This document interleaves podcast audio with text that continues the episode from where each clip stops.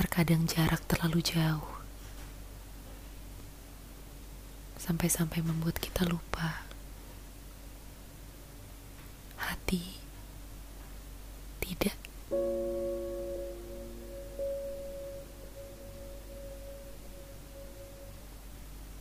Kau di mana?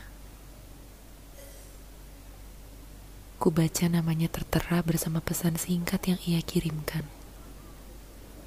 Aku terheran-heran sebab kami tak banyak bicara. Pun demikian, aku tersenyum meletakkan kembali suapan pertama makan siangku. Sedang makan, ada apa? Aku balas bertanya.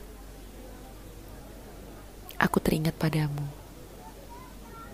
Ia membalas cepat seolah sudah paham betul apa yang hendak kutanyakan. Di antara kami, jarak sejauh palung dan bentang pulau. Tapi pikiran tak mengenal jarak. Pun hati, pun rindu. Bersama siapa?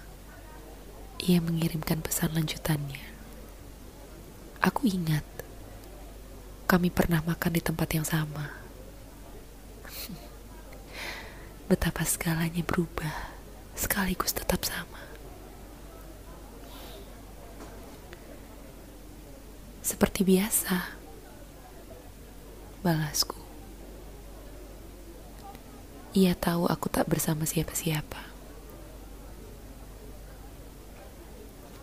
Kau memang sendiri saja ia mengirimkan pesan itu membenarkan.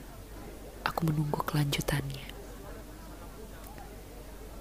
Tapi dalam dirimu ada banyak hal. Tiba-tiba ku rasakan hangatnya matahari turun sampai hatiku. Tapi ia tak berhenti di sana.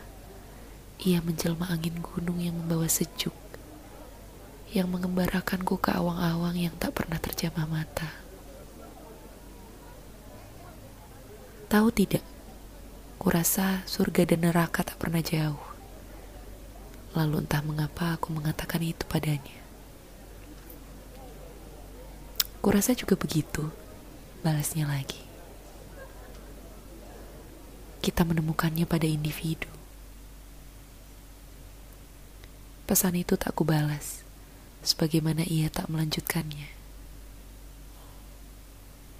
Tak perlu, sebab bagai buku yang terbuka, kami mampu saling membaca hati. Sejatinya kurasa pada beberapa orang ada benang tak kasat mata yang mengatasi jarak yang luar biasa sejauh palung dan bentang pulau.